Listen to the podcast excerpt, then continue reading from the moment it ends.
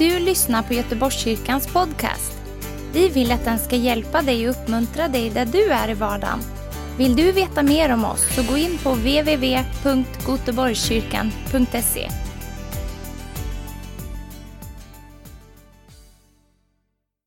Så härligt att få undervisa här idag, att få predika här idag för dig. Jag tycker vi bara ber en bön för, för Guds ord, att det ska få röra vid våra hjärtan. För ni vet att det står i Bibeln att Guds ord är levande och verksamt. Så jag tror att det händer någonting när jag talar här. Det är inte i första hand för att jag, det är just jag som står här, utan det är för att Guds ord verkar. Och jag bara tackar dig Jesus att vi får läsa ditt ord idag, att vi får gå in i skriften Herre. Att vi får höra ditt ord. Jag tackar dig Gud att det är levande och det är verksamt. Jag tackar dig Gud att när jag undervisar här idag, när jag predikar här, så ska det vara levande och det ska vara verksamt. Gud, att människor här inne och människor som sitter kanske hemma och lyssnar på detta ska få bara uppleva att det finns en levande Gud. Abrahams, Isak och Jakobs Gud lever än idag. Han dog på ett kors, Jesus Kristus, men han uppstod också på den tredje dagen. Så vi tackar dig Gud för att ditt ord bara ska få röra vid oss. Välkommen helig Ande att bara röra vid oss också. I Jesu namn. Amen. I Jesu namn. Amen, Amen. se det ja. Härligt. Idag så eh, kommer det då att vara ifrån Apostlagärningarna kapitel 16. Och jag har ju fått det där, ni vet favoritstället när Paulus och Silas sitter och sjunger lovsång i fängelset och murarna bara skakar. Så att det, det är ju väldigt härligt och roligt. Så det är det vi ska titta på. Och jag har satt eh, lite av en titel och det kallas att ropa till Gud. Så samtidigt som när jag har läst det här bibelstället och jag har liksom tittat på det och, och bett kring det så är det någonting som har liksom börjat röras eller som börjar liksom bubbla inom mig och det är just att ropa till Gud över din situation. Ibland så hamnar vi i lägen där vi behöver ropa till Gud. Ni vet att bönen har på något vis två faser. Bön det är ju relation med Jesus Kristus. Eh, och ibland så lyssnar vi med våra öron. Vi kanske är ute i skogen, vi, vi bara är inför Guds ansikte, vi sjunger lovsång, vi prisar honom och, och vi bara lyssnar in vem Gud är. Det är liksom den här överlåtelsebön där vi överlåter oss själva. Vi kanske inte vet riktigt vad vi ska be om och då bara vi är inför Gud. Att lyssna, att ta emot den här Getsemane-bönen som Jesus bad att eh, Herre, ske din vilja, inte min. Och när vi bara kommer inför Gud, vi ber om förlåtelse och vi bara är där. Det är den ena biten i en relation, det är att kunna lyssna. Och det vet ni att det är viktigt va? Att man kan lyssna på varandra i en relation, det är inte fel. Men den andra biten skulle jag vilja säga i, i bönen, det är också när vi, när vi talar. Alltså vi lyssnar, överlåter oss i bönen, bara är inför Gud och han får tala till oss. Men sen kommer det också ett, ett läge i bönen där vi börjar att ropa, där vi börjar att, att tala till omständigheter, där Gud har talat till oss och vi får tala ut det som Gud har lagt på våra liv. Så min hälsning till dig och mig idag det är att ropa till Gud. När Gud talar till dig, när du bara känner att de här bergen börjar resa sig runt omkring dig. Vad säger Bibeln då? Jo, då säger Bibeln att vi ska inte lyssna till bergen, det kan man, man kan göra också, men jag vet inte. Utan det står att vi ska tala till omständigheterna. Vi ska tala till bergen och jag tror att det är min hälsning till dig idag att, att det är dags att börja tala till de här problemen. Inte bara titta på alla bergen, inte bara se på alla jobbiga omständigheter, sjukdomar, ekonomiska problem, ångest, oro, jobbiga tankar, utan jag tror också det finns en tid när vi ska börja ropa till Gud. Eh, och det är det som är så fantastiskt. Så jag tycker vi ska läsa bibelordet tillsammans. Jag tycker vi kan stå upp. Och så läser vi tillsammans. Recitation kallas det för va? Man läste högt ur skrifterna. Det är väl bra va? Så vi bekänner Guds ord samtidigt här. Så jag tycker vi kör ihop. Paulus eh, och Silas handlar det om. Det är alltså Apostlagärningarna kapitel 16 och vers 16. Jag tror vi har med det här också va? Ja, hoppas det. En gång när vi var på väg till böneplatsen vi läser allihop, möttes vi av en slavflicka som hade en spådomsande och skaffade sina herrar stora inkomster genom att spå. Hon följde efter Paulus och oss andra och skrek. De här människorna är den högste Gudens tjänare. De förkunnar för er en väg till frälsning. Så höll hon på i flera dagar. Men Paulus blev upprörd och vände sig om och sa till anden, jag befaller dig i Jesu Kristi namn att lämna henne. Och i samma ögonblick for anden ut. När her hennes herrar såg att deras hopp om inkomst var ute grep de Paulus och Silas och släpade dem till torget inför myndigheterna. De, för, de förde fram dem till domarna och sa de här människorna stör ordningen i vår stad. De är judar och förkunnar seder som vi romare inte får anta eller följa. Även folket gick till angrepp mot dem och domarna slet av dem kläderna och befallde att de skulle piskas. De fick många rapp och kastades i fängelse och fångvaktaren fick befallning att bevaka dem noga. När han nu fick en sådan befallning satte han dem i den innersta cellen och låste fast deras fötter i stocken.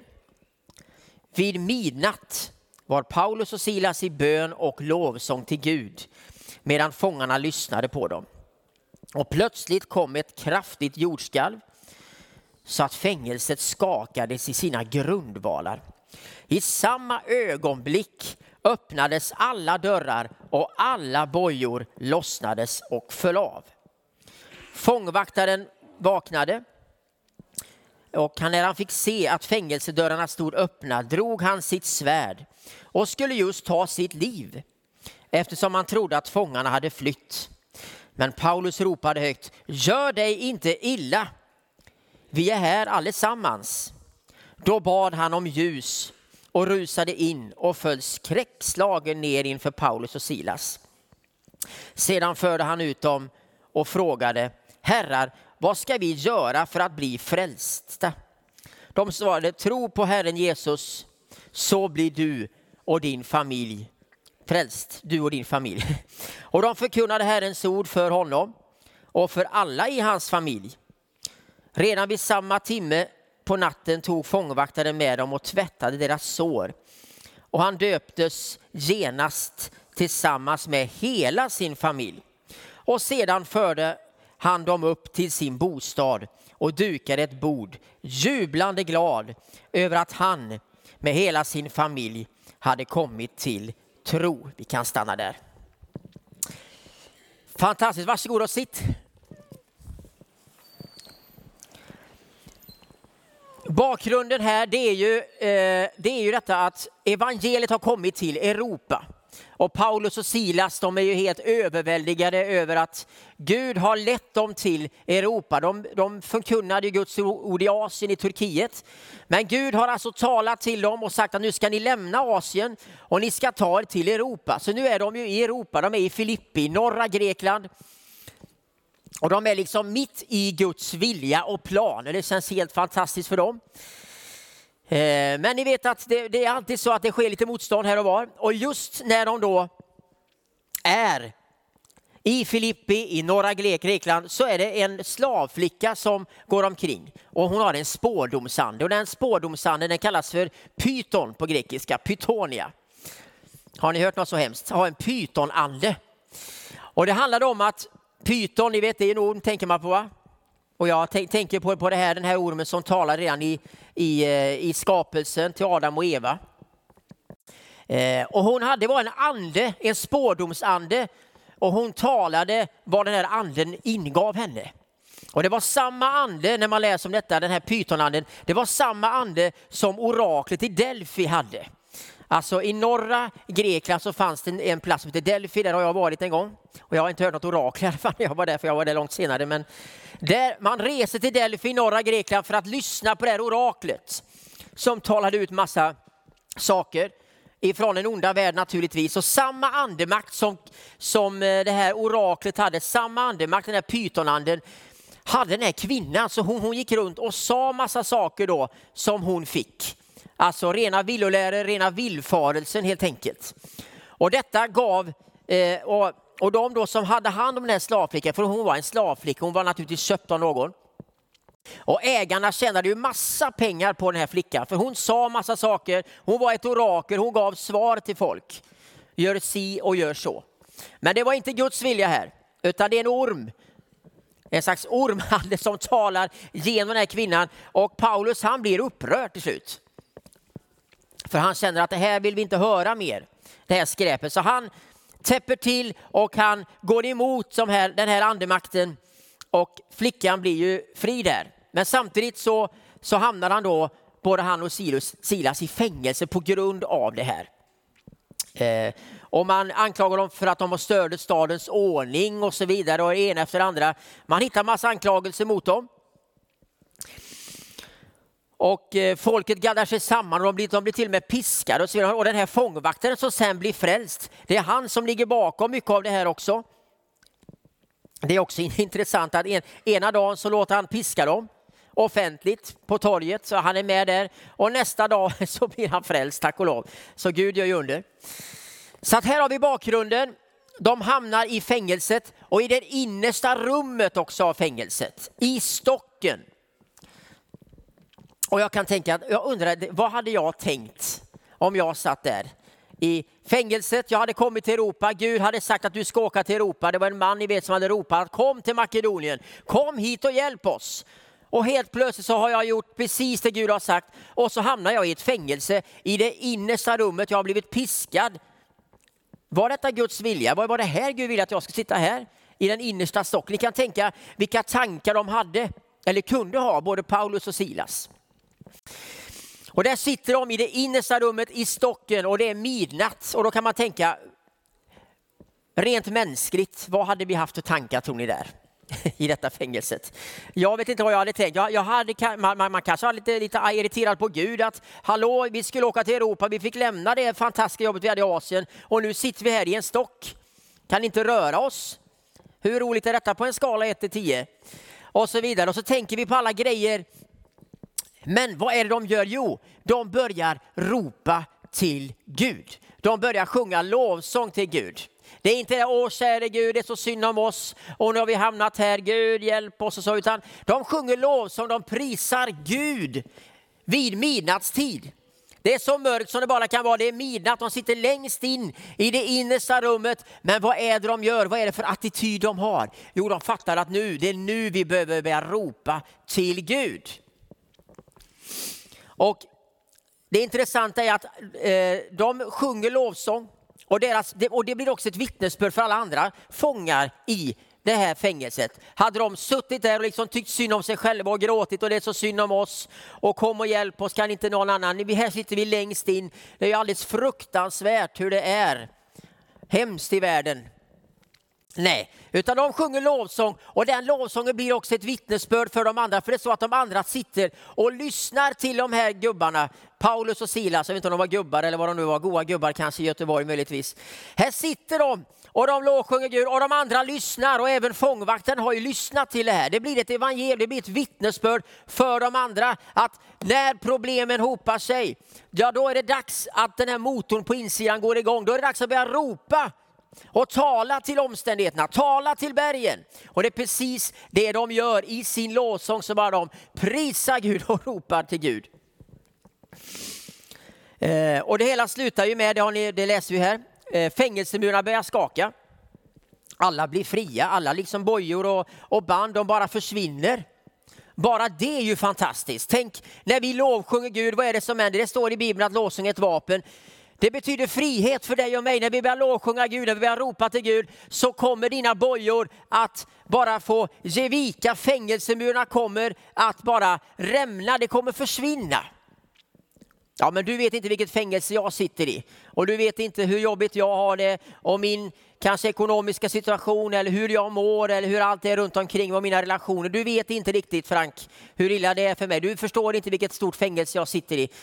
Nej, det kanske jag inte gör, men jag vet att man kan ropa till Gud. Och jag vet att fängelsemurarna kan börja skaka i ditt och mitt liv när vi börjar att tala till omständigheterna. Det här slutar ju väldigt väl, för den här fångvaktaren han blir ju livrädd. Han tänker, ja, tänk att vara fångvaktare, det är många intressanta personer här. Och vara fångvaktare, helt plötsligt så finns inget fängelse kvar. Alla bojor, alla kedjor, allt är borta. Eh, vad gör man då?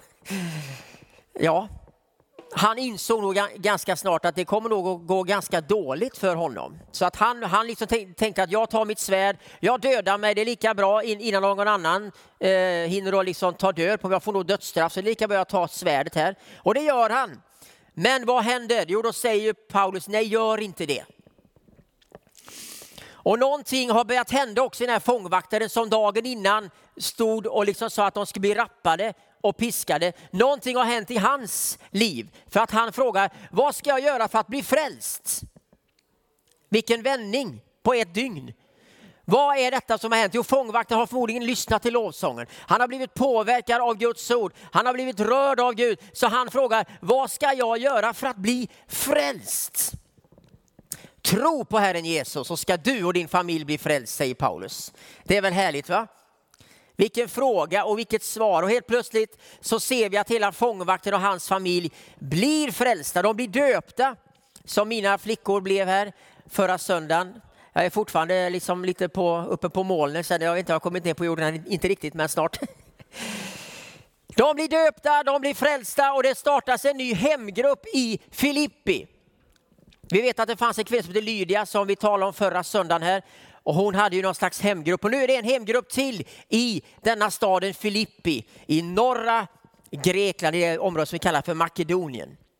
Det är ju helt fantastiskt och jag tänker, okej, okay, en familj blir frälst och det blir en hemgrupp, men det, det, var väl inte så väldigt, kanske hur många kan det vara? 6, 7, 8, 10 personer. En liten hemgrupp där ja, i, i Filippi kan man tänka först. Men sen tänkte jag ett varv till och då kom jag på det, hur många människor berör inte de i sin tur? Vi är fem personer i min familj och när vi satt hemma igår och pratade om detta, hur många kontakter har vi? Vi är fem personer. Hur många vänner har vi på sociala medier, på Snapchat och allt vad det heter? Jag kan inte alla namn på alla medier snart. Men hur många personer berör inte bara våra lilla familj på fem personer? Det är ju flera hundra. Så att genom att en, en familj blir frälst här i Filippi så kommer de i sin tur att beröra jättemånga människor. Och det tycker jag är helt fantastiskt. Så att min hälsning idag det är liksom att ropa till dina omständigheter. Vänd på steken.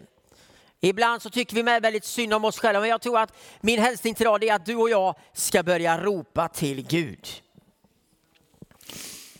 Eh, och hans hem då, den här fångvakten, han får ju bli ledare kan man säga, en andlig ledare. Helt plötsligt så är han helt plötsligt en person och han kommer få bära ett stort ansvar. Och det är ofta så här Gud jobbar. Han jobbar med familjer, han jobbar med hushållen. Han vill in i vartenda hushåll. Han vill att ditt hushåll och fångvaktarens hushåll ska få bli den där, den där platsen som bär upp många andra. Ibland pratar vi om lärjungaskap, det vet vi, det låter ju väldigt vackert.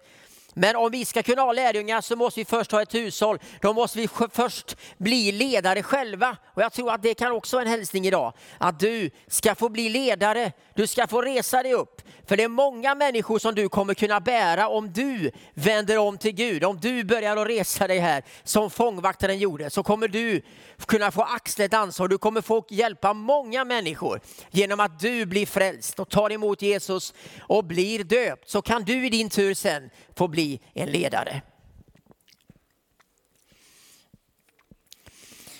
Eh, vi läser i Jeremia 33 och 3. Man brukar säga att det är telefonnumret till himlen. Har ni hört det någon gång?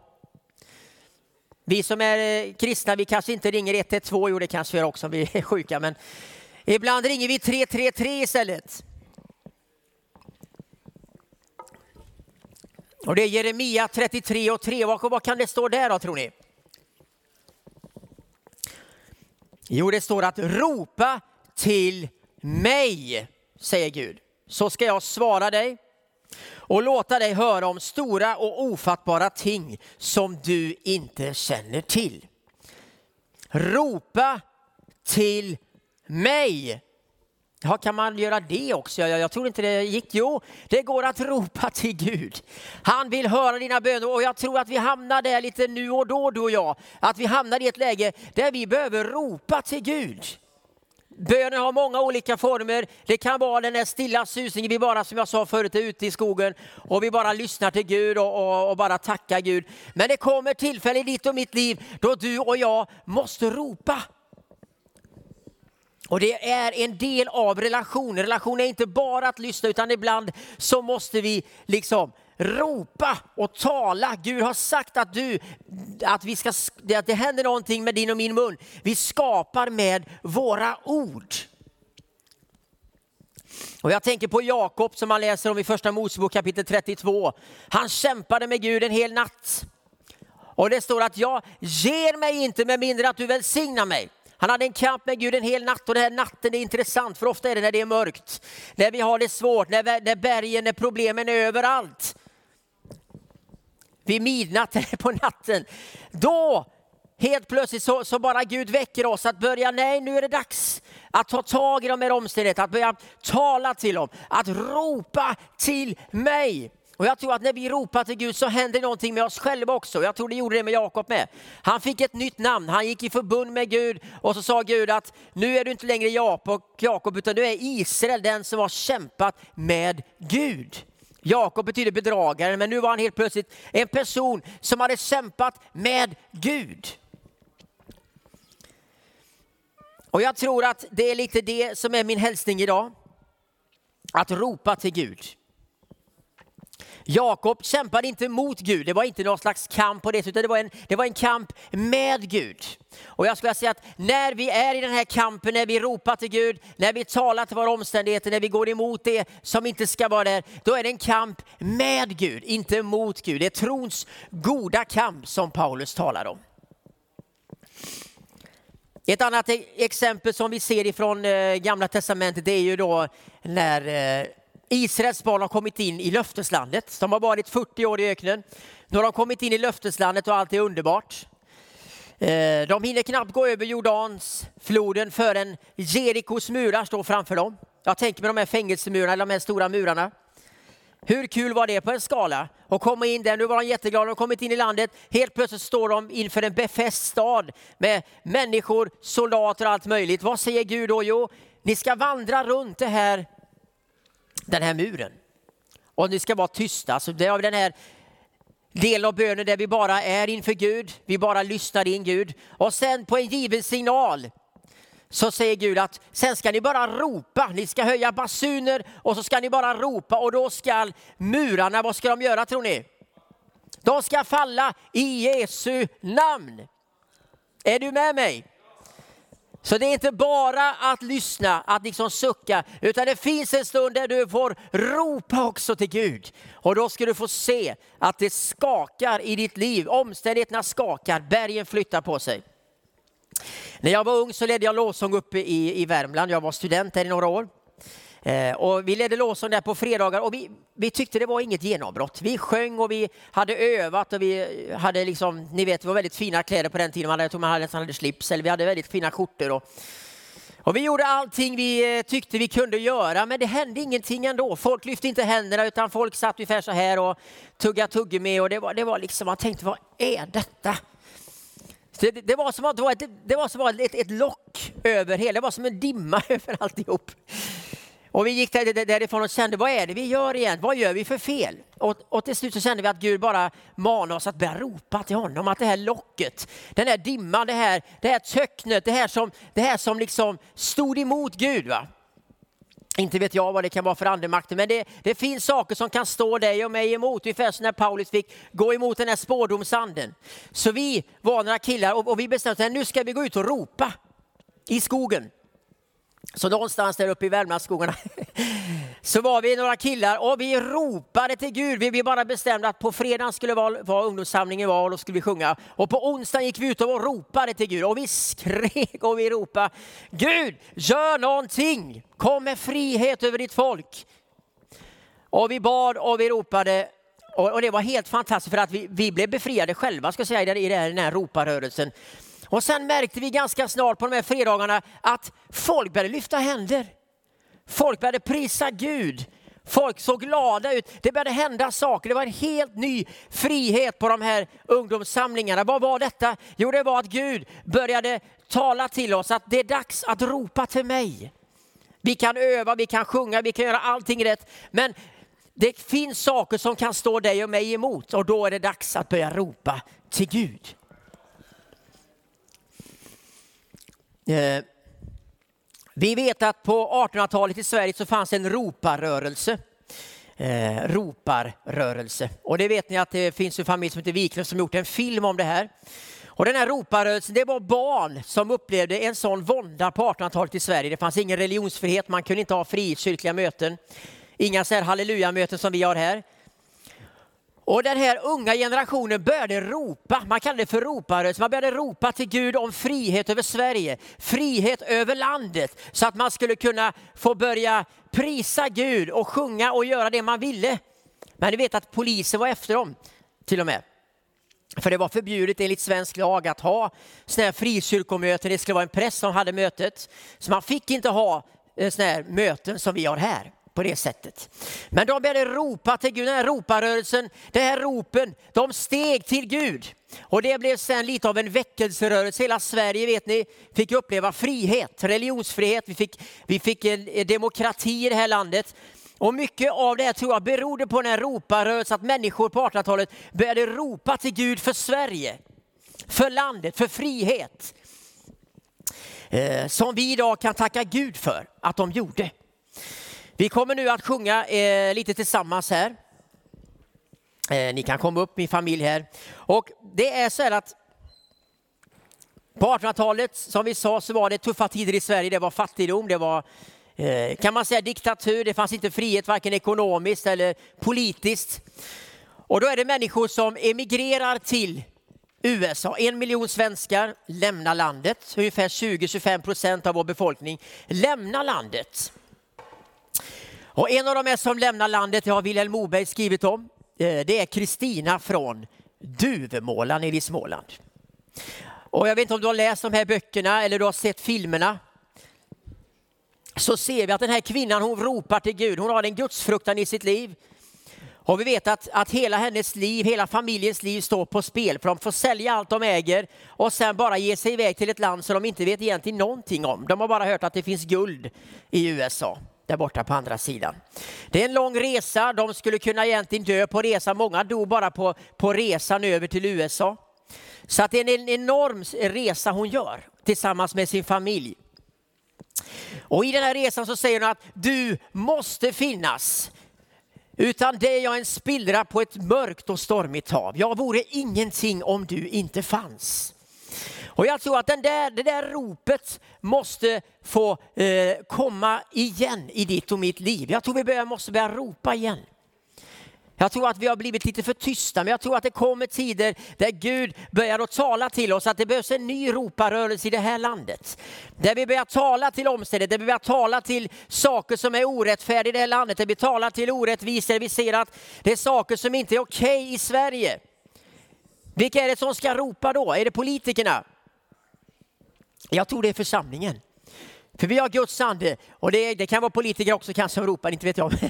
Men vi börjar att ropa till Gud och han ska svara oss. Jeremia 33 och 3 och ta den hälsningen med dig ifrån idag. Halleluja. Tack Jesus, tackar vi bara får ropa till dig idag. Jag tackar dig Jesus Herre att vi får bulta och dörren ska öppnas i Jesu namn Herre. Amen. Tack för att du har lyssnat. Dela gärna podden med dina vänner och glöm inte prenumerera. Om du har frågor eller vill att vi ska be för något så mejla oss på info På söndagar har vi veckans höjdpunkt. Då firar vi gudstjänst tillsammans och det vore så kul att träffa dig där. Men vi har även samlingar för barn då? Gå in på vår hemsida goteborgskyrkan.se så får du veta mer. Välkommen till oss!